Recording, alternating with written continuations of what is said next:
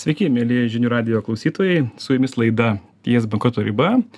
Prie mikrofono advokatas Kazimiras Karpickis. Primenu, kad mus galite ne tik tai klausytis, bet taip pat ir matyti žinių radio svetainėje arba YouTube kanale. Labai džiaugiuosi pranešti, kad šiandieną mes kalbėsime labai įdomią temą, kuri yra tam tikra dalimi apimta, apipinta tokiais mitais o tema tai yra susijusi su įmonių vadovų civilinio atsakomybės draudimu. Ir daugam kyla klausimų, tai kas tai tokio yra ir apskritai toksai dalykas, kaip vadovų draudimas veikia. Ir labai džiaugiuosi, kad šiandieną kartu su manim mano kolegė iš advokatų kontoros Rainer partneriai Indrė Pelėdaitė. Sveiki indrė specializuojasi būtent draudimo teisėje ir viena iš draudimo sričių kurioje indrė labai daug dirba tai yra būtent vadovų civilinis atsakomybės draudimas. Taip pat kartu su mumis yra indrės kolega iš iš bundos pasakyčiau taip ar ne? Taip sveiki. E, kuris yra mūsų terminais kalbant teisininkų rizikistas Tai Andriu, papasakokite, kas tai yra rizikistas ir tada pereisime prie to paties draudimo, kad mūsų klausytojai suprastų. Sveiki dar kartą. Taip, rizikistas tai yra toks asmuo draudimo kompanijoje, kuris vertina riziką skirtingų draudimo produktų. Tai būtent aš esu asmuo mūsų įmonėje, kurios pilnas pavadinimas yra Baltic Underwriting Agency, esu tas asmuo, kuris vertina riziką būtent vadovaujančių asmenų civilinės atsakomybės draudime. Renku pilną informaciją apie tam tikrą riziką, ją analizuoju, vertinu ir po to jau dėlioju sąlygas pasiūlymo pateikimui.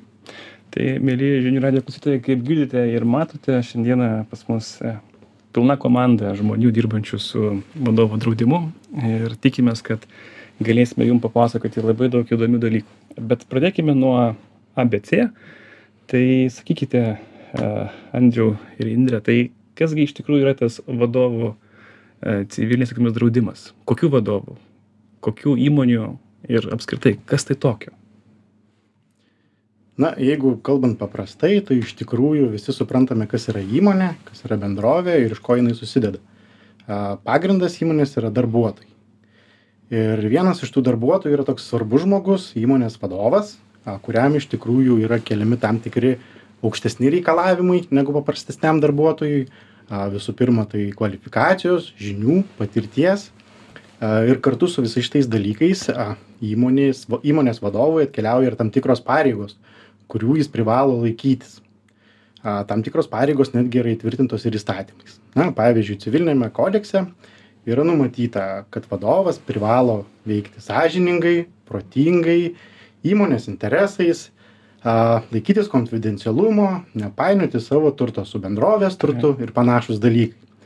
Taigi, jeigu įmonės vadovas nesilaiko tų pareigų tinkamai a jam gali kilti atsakomybė atlyginti įmonei bendrovei padarytą žalą ar tretiesiems asmenims padarytą žalą.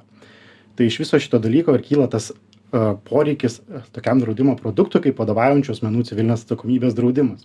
Bet iš Tai- tikrųjų tą poreikį ne tiktais e, teisinė aplinka sukuria bet ir sakykim taip e, ir pasauliniai įvykiai netgi na ir sakykim tos pačios tas pats karas ukrainoje tam tikri tam tikros grėsmės pasaulinės. Iš tikrųjų labai daug gula pečių a kovoti su tomis grėsmėmis gula ant pečių vadovo būtent. Taigi tikrai poreikis tam draudimui yra pakankamai didelis.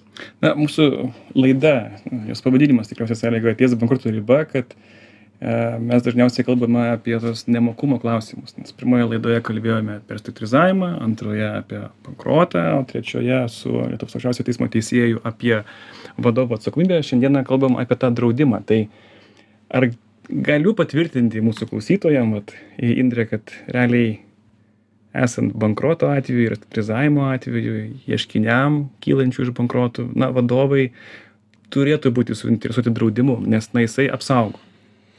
Tikrai taip. e, Vadovų civilinės atsakomybės draudimas yra rizikos valdymo priemonė, kai jau vadovui kilo atsakomybė. Tai jeigu taip aiškinant draudimą pagal jo paskirtį, kas tai yra? ar ne viena paskirtis yra nauda įmonei tada kai įmonė dar taip sakykime gyva ar ne e, nauda įmonei kadangi e, jeigu jis mokėjo už vadovą atlygino žalą už vadovą draudikas gali jai kompensuoti.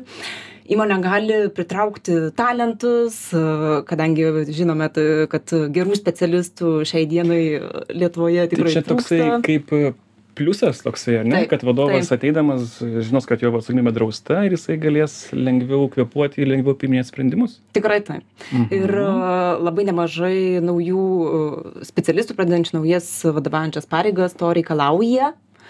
A, Taip pat e, vadovų civilinės atsakomybės draudimas yra naudingas pačiam vadovui, kadangi visų pirma jis suteikia finansinę apsaugą, apsaugą e, jam padedant gintis nuo reikalavimų, tyrimų, baudų ir e, suteikia apsaugą kompensuodamas jau priteistą žalą, jeigu visgi įrodoma, kad atsakomybė kilo. Ir iš čia atkeliaujame į tą situaciją, kai įmonė atsiduria ties bankroto riba. Mhm. A, Tokiu atveju vadovui įmonė jau nebegalės padėti, nebegalės padėti kompensuodama bilinėjimosi išlaidas, atlygindama žalą ir tokiu atveju draudimas gali būti praktiškai vienintelė e, pagalbos, finansinės pagalbos priemonė vadovui. Tai, at Andrius uh, papasakojo, ir tu papasakojai, um, man visada yra įdomiausia gyvi pavyzdžiai. Gal mes galime, pavyzdžiui, pasakyti, va, iš to, ką aptariam. Nebūtinai tai bankrotas. Aišku, jeigu su bankrotu koks nors pavyzdys yra, būtų iš vis puiku. Bet uh, būnagi tikriausiai ir situacijų, kai vadovo atsakomybė kyla nebūtinai esant bankrotui. Mhm. Tai gal po kokį pavyzdį galite papasakoti abu, pavyzdžiui, vat, Andriu. Ar galit? Žinoma, galima.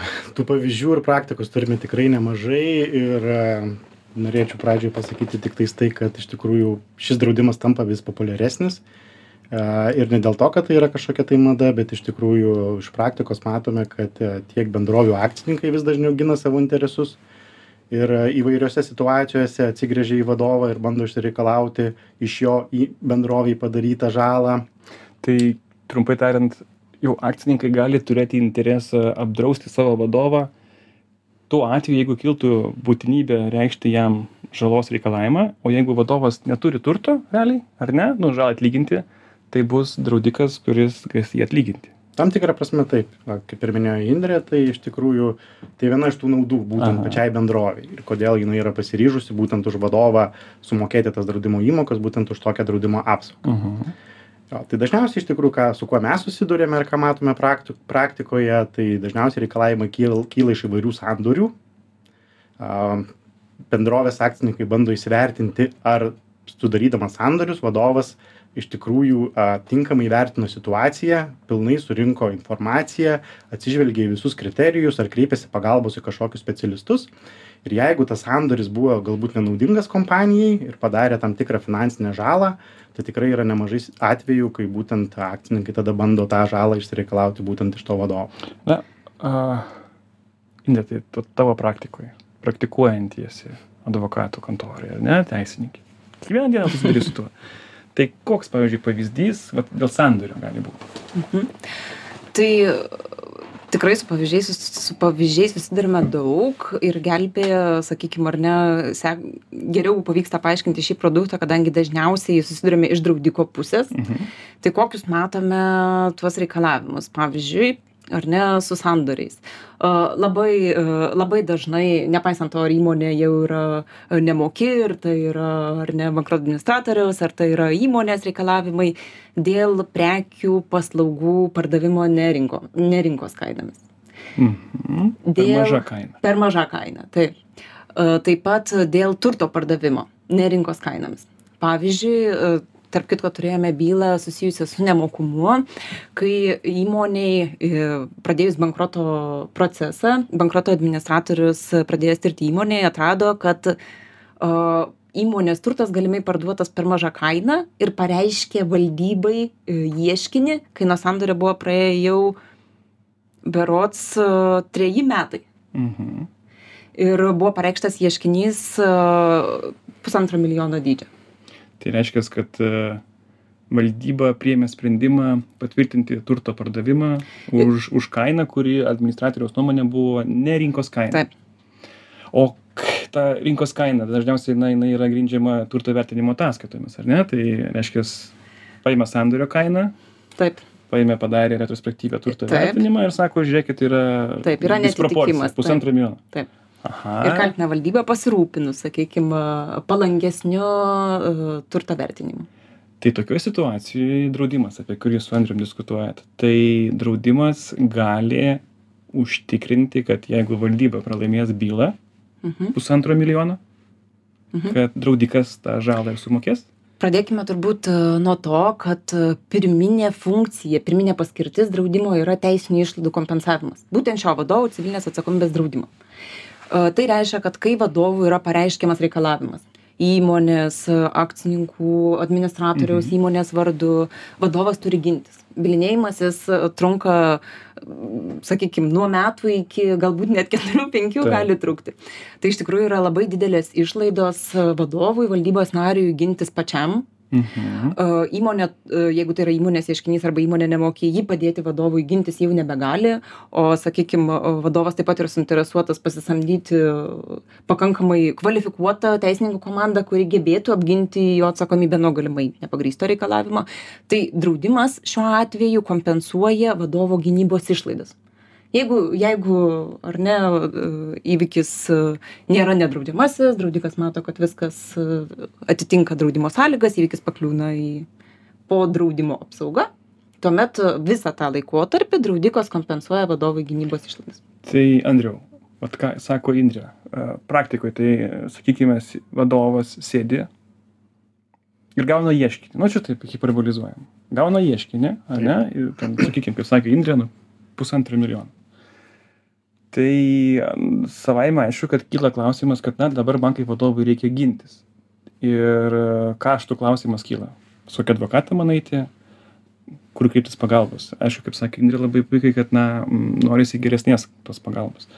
Tai dabar a, vadovas kaip turėtų elgtis kaip užkurti tą mechanizmą kad jisai galėtų pasinaudoti tą pagalbą arba tą kaip sakant na mechanizmu teisinių išlaidų kompensavimo Tai visų pirma, vadovas e, turėtų kreiptis į draudimo kompaniją su pranešimu apie gautą ieškinį, tai yra jo pareiga. Ir jis tai turėtų padaryti kaip galima greičiau nuo ieškinio gavimo, netgi jeigu yra jau sužinoma apie tam tikras aplinkybės, kad ieškinys gali būti pareikštas, mhm. bet kokią formą, rašytinę ar žodžiu, jau turėtų kreiptis į draudimo kompaniją. Vėlgi, kadangi draudimo kompanija tokių įvykių turi labai daug, a, gali rekomenduoti savo teisininkų komandą Mhm. arba atsikla- atsiklausia vadovo, galbūt jis turi kažkokį tai savo nusimatęs advokatų kontorą, su kuria norėtų, sakykime, tame a, įvykyje keliauti į teismą. Atsižvelgiama, žinoma, į advokatų kontoros kompetenciją ir tada priimamas sprendimas. Bet kokiu atveju vis, visada a, vadovas turėtų visas išlaidas derintis su draudimo kompanija, gauti jų pritarimą dėl vienokių Mhm. ar kitokių išlaidų. Vėlgi, į ką čia svarbu, į ką svarbu atkreipti dėmesį, pagal draudimo sutartį, ar advokato išlaidos yra kompensuojamos, ar galbūt yra galimybė gauti mokėjimus iš anksto, tai yra vadovas ne iš savo kišenės moka advokatų kontorai, tačiau jau draudikas tiesiogiai Mhm. daro pavedimus advokatų kontorai. tai realiai pra- pateikė pranešimą kad vat gavau ieškinį. Aišku suprantu iš to ką sako andrius kad jeigu yra anksčiau sužinoma ne ieškinys tai pataisykit jeigu klystu bet na praktikoje tokie atvejai būna ir dažniausiai administratoriai visų pirma paleidžia reikalavimą padengti žalą suteikia tam tikrą terminą. Taip. sumai sumokėt. Taip. Ir jeigu jau tas reikalavimas yra neįvykdomas per tą terminą tik tada ateina ieškinys. Tai toks pranešimas e, suprantu yra visapusiškas jau tas sužinojimo kaip sakant faktas ar ne?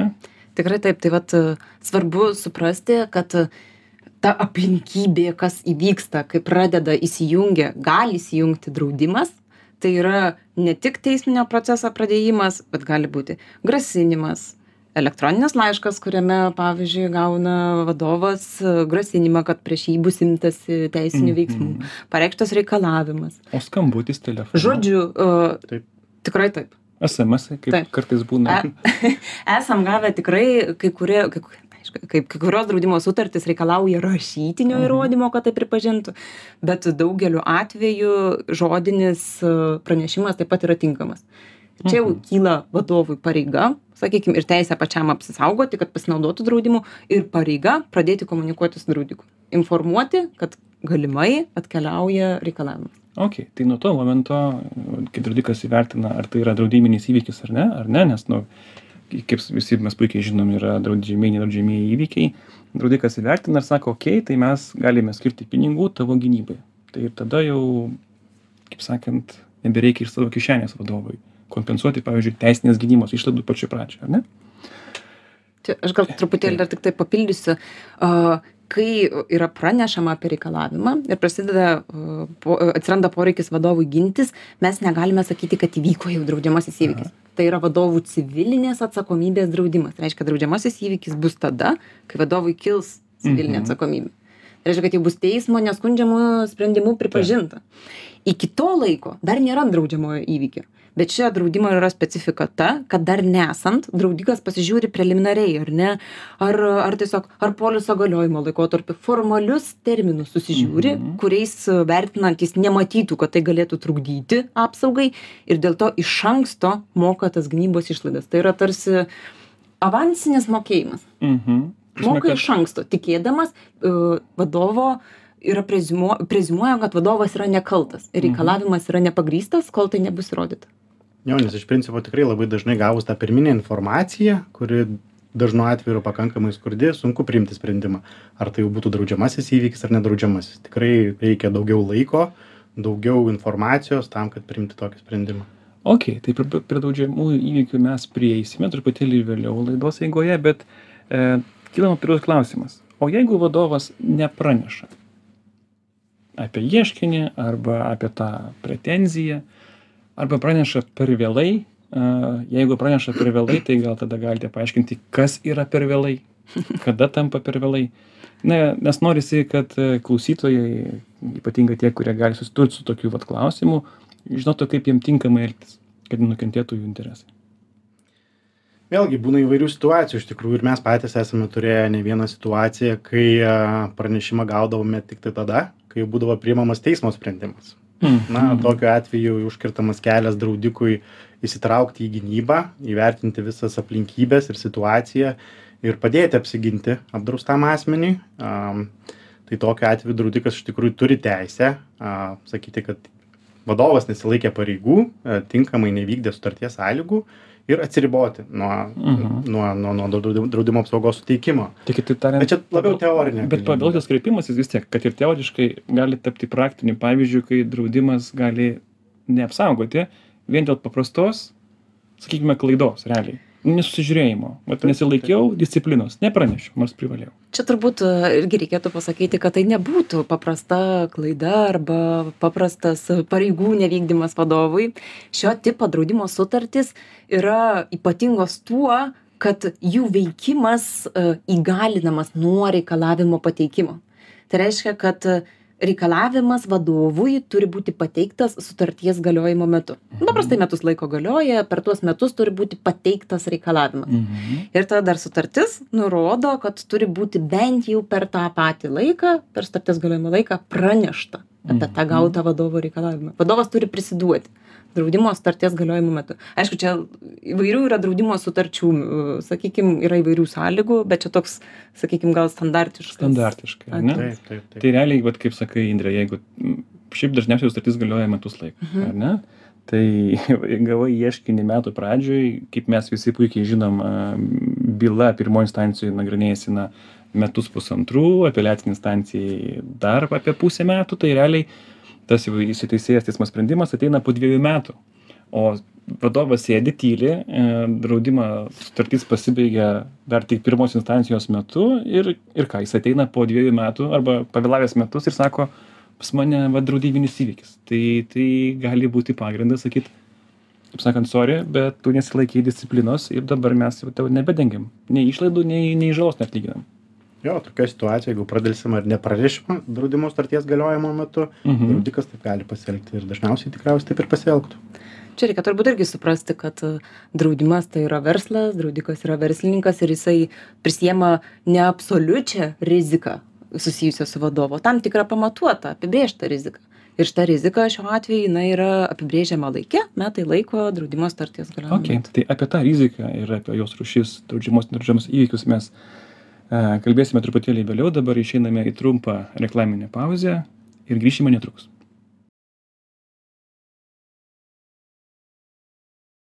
Sveiki, mėly žinių radio klausytojai. Grįžtame po reklaminės petraukėlės laidoje Ties bankroto riba. Prie mikrofono advokatas Kazimiras Karpickis ir mano šiandienos pašnekovai Indrė Pelėdaitė, mano kolegė ir Andrius.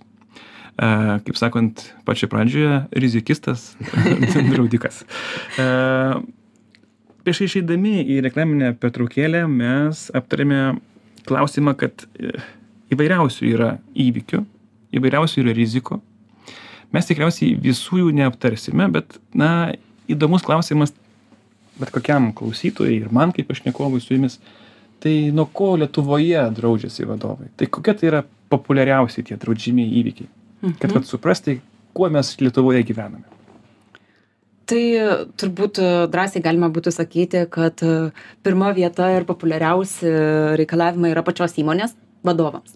A, Dėl ko tai patys įvairiausi klausimai, kaip minėjau, prekių paslaugų, akcijų, turto pirkimo pardavimo sandorių ginčijimas, nesėkminga verslo plėtra, pavyzdžiui, esam turėję bylą kai į- įmonė nusprendė įsteigti dukterinę įmonę a, Danijoje, verslas nepavyko po trejų metų, įmonė patyrė didelę žalą dėl investicijų, kurios nepasiteisino ir padavė tos dukterinės įmonės vadovui reikalavimą atlyginti žalą.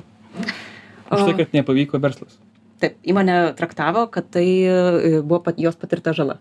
Mhm. Tiesa, tuo atveju įmonė pralaimėjo, pralaimėjo ieškinį ir, ir, ir žala nebuvo, prisi, nebuvo priteista iš vadovo.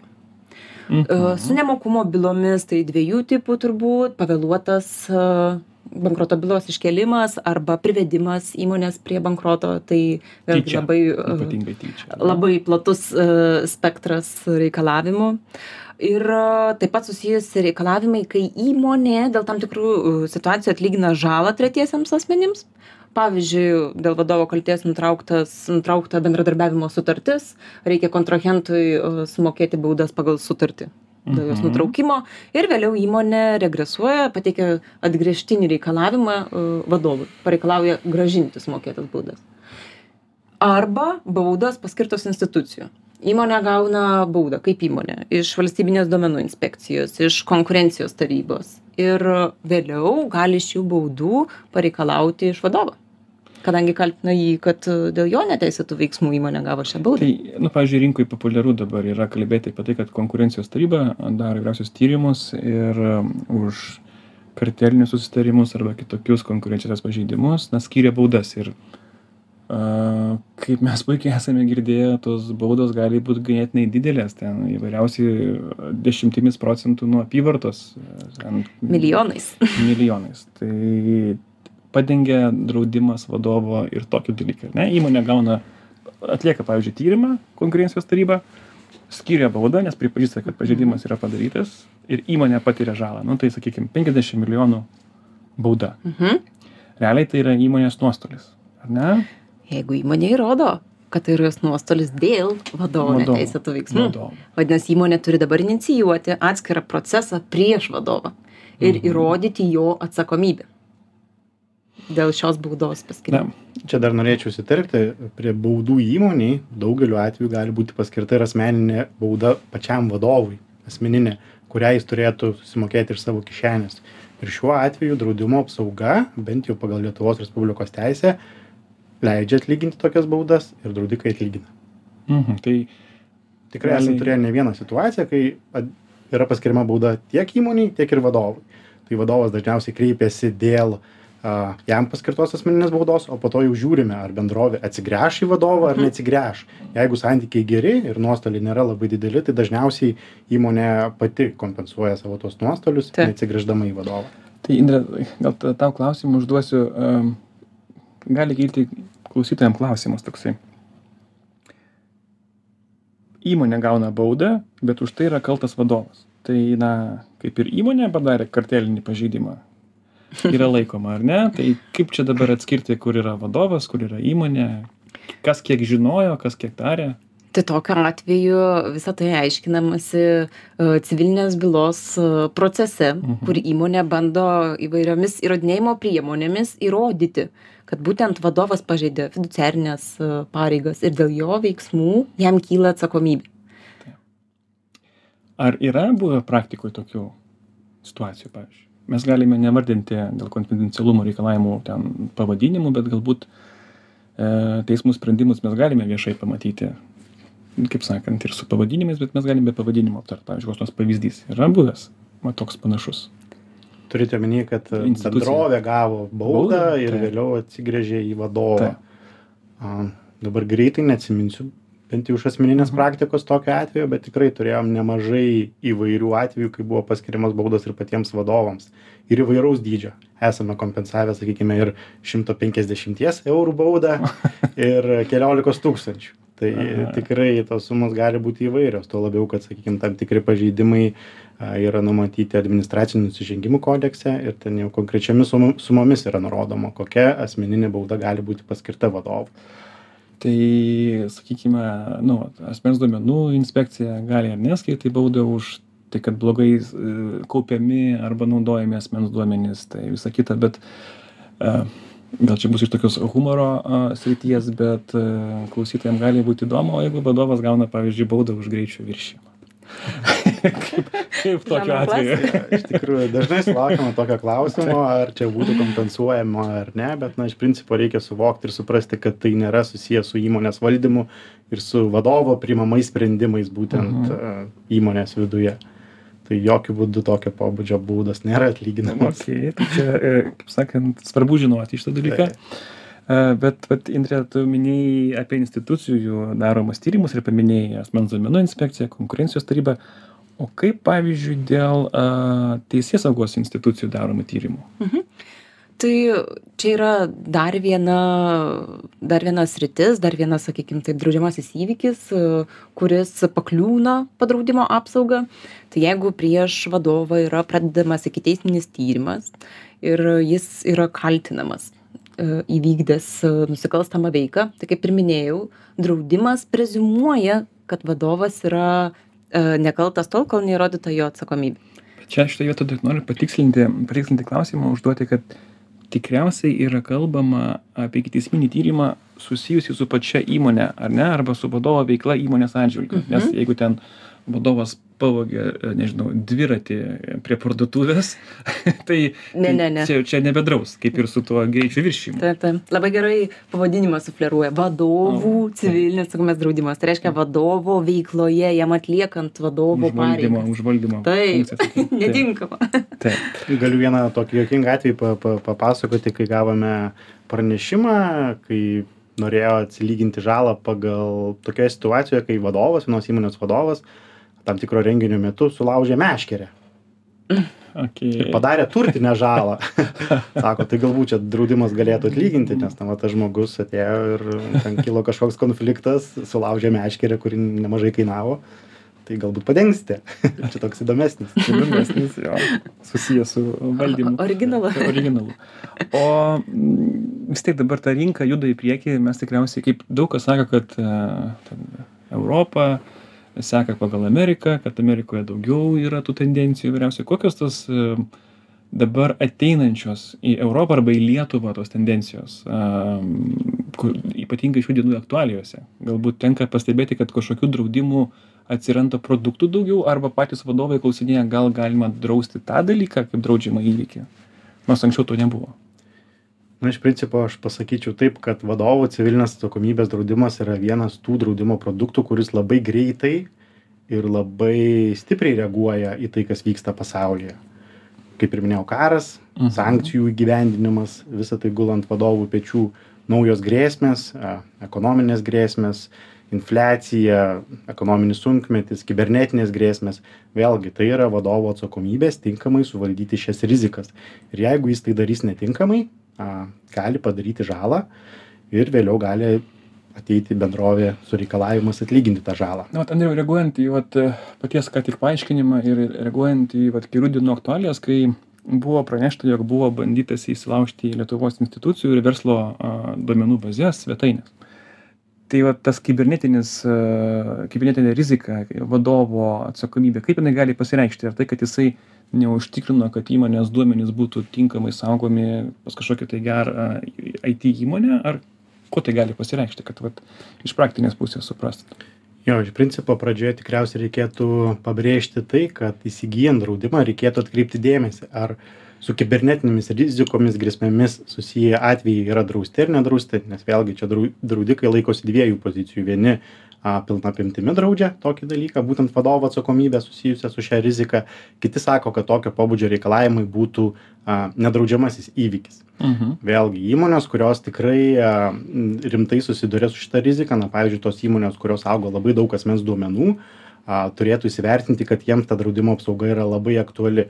Ir jeigu vado, tai yra vadovo atsakomybė užtikrinti mhm. įmonės veiklos stabilumą ir valdyti tam tikras rizikas. Ir jeigu šita rizika yra labai a, didelė, tai jis tinkamai ją turėtų ir valdyti imtis įvairių priemonių tiek techninių tiek ir procesinių procesus valdyti tam tikrus ir panašiai jeigu jis tai daro netinkamai gali būti bėdų paminėjo indrė am andrius a sankcijų klausimą tu Mhm. pati neseniai vedei mokymus apie vadovo atsakomybę ir jos draudimą sankcijų kontekste tai kas tai per per per per klausimai Mhm. kodėl tai yra aktualu ir kodėl vat draudikas turėtų čia dalyvauti Tai iš tikrųjų e, tendencija susijusi su sankcijų reguliavimo taikymu atkeliauja taip pat iš užsienio. Jau esame girdėję iš kolegų užsienyje, kad e, pas, e, girdisi pirmieji reikalavimai ir jie susiję su tuo, kad a, turime tikrai naują reguliavimą, kuris yra pakankamai sudėtingas Mhm. dėl sankcijų gyvendinimo. Taip. Vadovui reikia priimti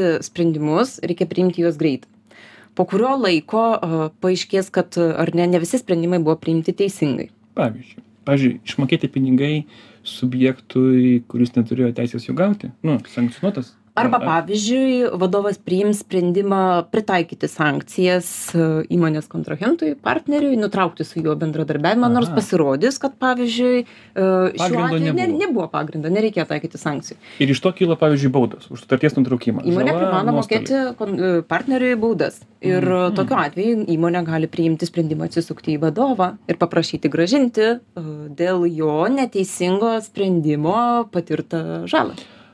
Mes praeitą laidą kalbėjom su lietuvos aukščiausiojo teismo teisėju ir tokį klausimą nagrinėjom kai vadovo iš vadovo buvo bandoma priteisti žalą už tai kad jisai neteisėtai atleido darbuotoją. Na situacija priminsiu klausytojam buvo tokia kad vadovas priėmė sprendimą kad reikia atleisti darbuotoją. A, aišku tas yra priimama vadovo sprendimu e, po atleidimo to darbuotojo tas pats direktorius išėjo iš darbo atėjo naujas direktorius ir atėjus naujam direktoriui tas atleistas darbuotojas padavė į teismą įmonė sako atleidot mane neteisėtai man dabar priklauso tas tas ir tas tas tas ir tas. Na ir laimi pavyzdžiui tas darbuotojas bylą.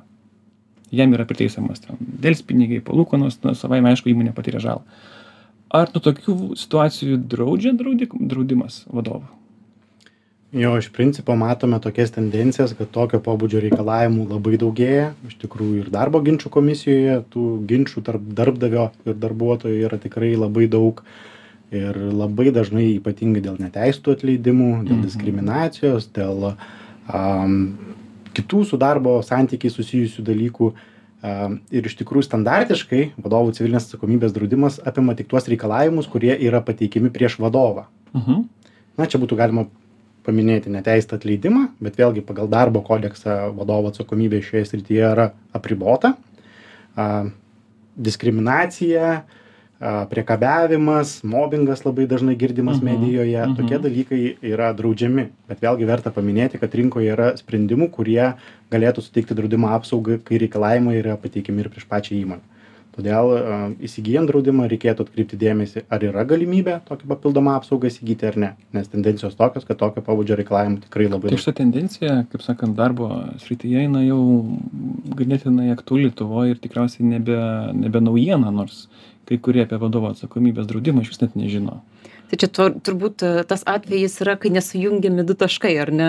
Draudimas jau seniai tokią apsaugą yra įtraukęs, tokie ginčiai jau pakankamai populiarėja, bet vis dar, e, galbūt, sakykime, mažiau pasinaudoja įmonės Mhm. tokių, tokių ginčių atvejais draudimu.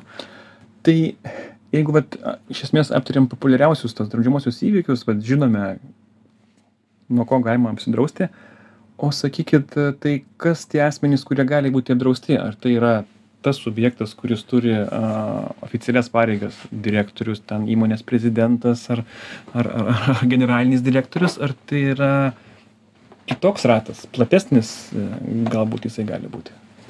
Taip, draudimo sutartyje yra aiškiai apibriešta apdrausto asmens savoka. Tikrai daugelis klausia, ar reikia pateikti vadovų sąrašą, vardu, vardus, pavardės, gimimo datas ir panašiai. Tikrai nereikia. Iš principo, draudimo sutarties turėtojas yra pati įmonė, o pagal draudimo a, savoką, apdraustojo asmens savoką, kuri yra pakankamai plati, į tai įeina tiek vadovaujančias pareigas užimantis e, asmenys, tai yra generalinis direktorius, skyrių departamentų vadovai, sakykim taip, tiek ir valdybos nariai, jeigu įmonė turi valdybą, galbūt net ir stebėtojų tarybos nariai, Mhm. jeigu vėlgi stebėtojų taryba yra a, tam tikrais atvejais gali būti net ir pats darbuotojas, pavyzdžiui, jeigu įeina kaip bendra atsakovas kartu su vadovaujančiu asmeniu. A, lygiai taip pat tai apdraustoje savokai įeina teisiniai paveldėtojai, a, sutoktinis ir panašus asmenys. Tai vat, labai įdomus tas aspektas, keli, aišku, įdomus, bet vienas iš jų tai, sakote, departamentų vadovai. Tai mes, nu, į- Lietuvoje turime įsivaizdavimą, ypatingai neteisininkai, kad vat, vadovas tai yra tas, kuris, kaip sakiau, yra generalinis vadovas, Mhm. mhm. kuris jau yra paskirtas akcininku. Bet vat, iš to, Andriu, ką papasakojot, suprantu ir mm, kad tai gali būti iš esmės asmuo, kuris vykdo tam tikras vadovaujančias Pareigas. pareigas ir atlieka vadovaujančias funkcijas. Kaip sakėt, skyrių vadovai, tai gali būti direktorius, tai nežinau, koks nors jo pavaduotojas, pavaduotojas po savim turi dar porą skyrių vadovų ir pagrindinė eina priklausomai nuo to, kur yra vadovaujančioji funkcija atliekama, ar ne? Taip. Turiu netgi gal trumpą tokį gerą Mhm. pavyzdį. E, Įmonė e, turėjo, e, turėjo nemažai transporto priemonių ir dešimt vienetų iš jų, brangių sudėtingų transporto priemonių, e, buvo nuspręstos ne, neapdrausti kasko draudimu. Skyriaus e, e, vadovas e, priėmė sprendimą nedrausti jų, jos labai buvo senos. Skyriaus vadovas. Taip, skyriaus ne vadovas. generalinis. Ne, Ne generalinis skyriaus Mhm. vadovas priėmė sprendimą, kadangi įvykių niekada nenutinka, kasko draudimas labai brangus, o jisai gavo žinutę iš vadovybės, kad reikia taupyti kaštus. Ir vienas iš tos transporto priemonės vairuotojas patyrė širdies smūgį prie vairo ir sudaužė transporto priemonę. Mhm. Įmonė, kadangi tai buvo brangi įmonė, patyrė nemažą žalą ir šiuo atveju nusprendė pateikti reikalavimą skyriaus vadovui. E, Žinoma, jo atsakomybė buvo ribota pagal mūsų reguliavimą, tačiau e, nepaisant to, kad jam vis tiek reikėjo nemažą dalį atlyginti, jam reikėjo samdytis teisininkus, tai šiuo atveju įmonė turėjo vadovų civilinės atsakomybės draudimą. Draudikai parūpino teisininkų komandą ir šiuo atveju e, su geru užnugariu teisininkų gynyba pavyko vadovui sudaryti taikų sutarimą su įmonė, draudikas e, kompensavo žalą, bet nebuvo pradėtas bjaurus teisminis tyrimas, kurio metu būtų įrodinėjama vadovo Mhm. atsakomybė. Aišku, paradoksas tame, kad buvo prašoma taupyti kaštus, o tai sutaupė. E, Visai kitai viskas aps- apsisuko. O kitas aspektas teisiniai paveldėtojai, tai čia e, tikriausiai klausimas yra susijęs su tuo, kad e, jeigu e, žmogus miršta, palieka pas savęs palikimą ir jeigu palikėjas tą turtą priema, reikia turėti minti, kad jisai ne tik tai turtą, bet ir pareigas paveldė, ar ne? Tai draudimas draudžia nuo tų galimų neigiamų pasiekmių pareigų, kurios gali atsirasti, ar ne, jeigu vadovas, būdamas gyvas, kažką padarė neteisėto ir dėl to kilo žala. Nu, Ir jeigu būtų nuspręsta jį traukti į bjaurius teisminius procesus, palikuonį, tai iš tikrųjų draudimas suteiks tą Apsauga apsaugą. Mamai, žmonai, e, vaikam ir visiems kitiems. Taip, taip, taip. Ok, tai, kaip sakant, iš tikrųjų ratas yra neapibrė, nu, ganėtinai platus ir neapi, ne, neribotas vardais ir pavardėm. Tikrai ne. O sakykit tada, kas vis tada svarbu, vertinant rizikas? Na, ateina pas jūs vat, e, įmonė arba vadovas ir sako, noriu apsidrausti. E, laiko mes turime nebedaug, tai vat, gal galima trumpai tada vat, pereiti per tos esminius klausimus. Kas yra žiūrima? Na iš tikrųjų draudimo kompanija vertina labai daug aplinkybių ir kriterijų ir labai įvairių pradedant nuo įmonės veiklos specifikos Tai kokia rizika?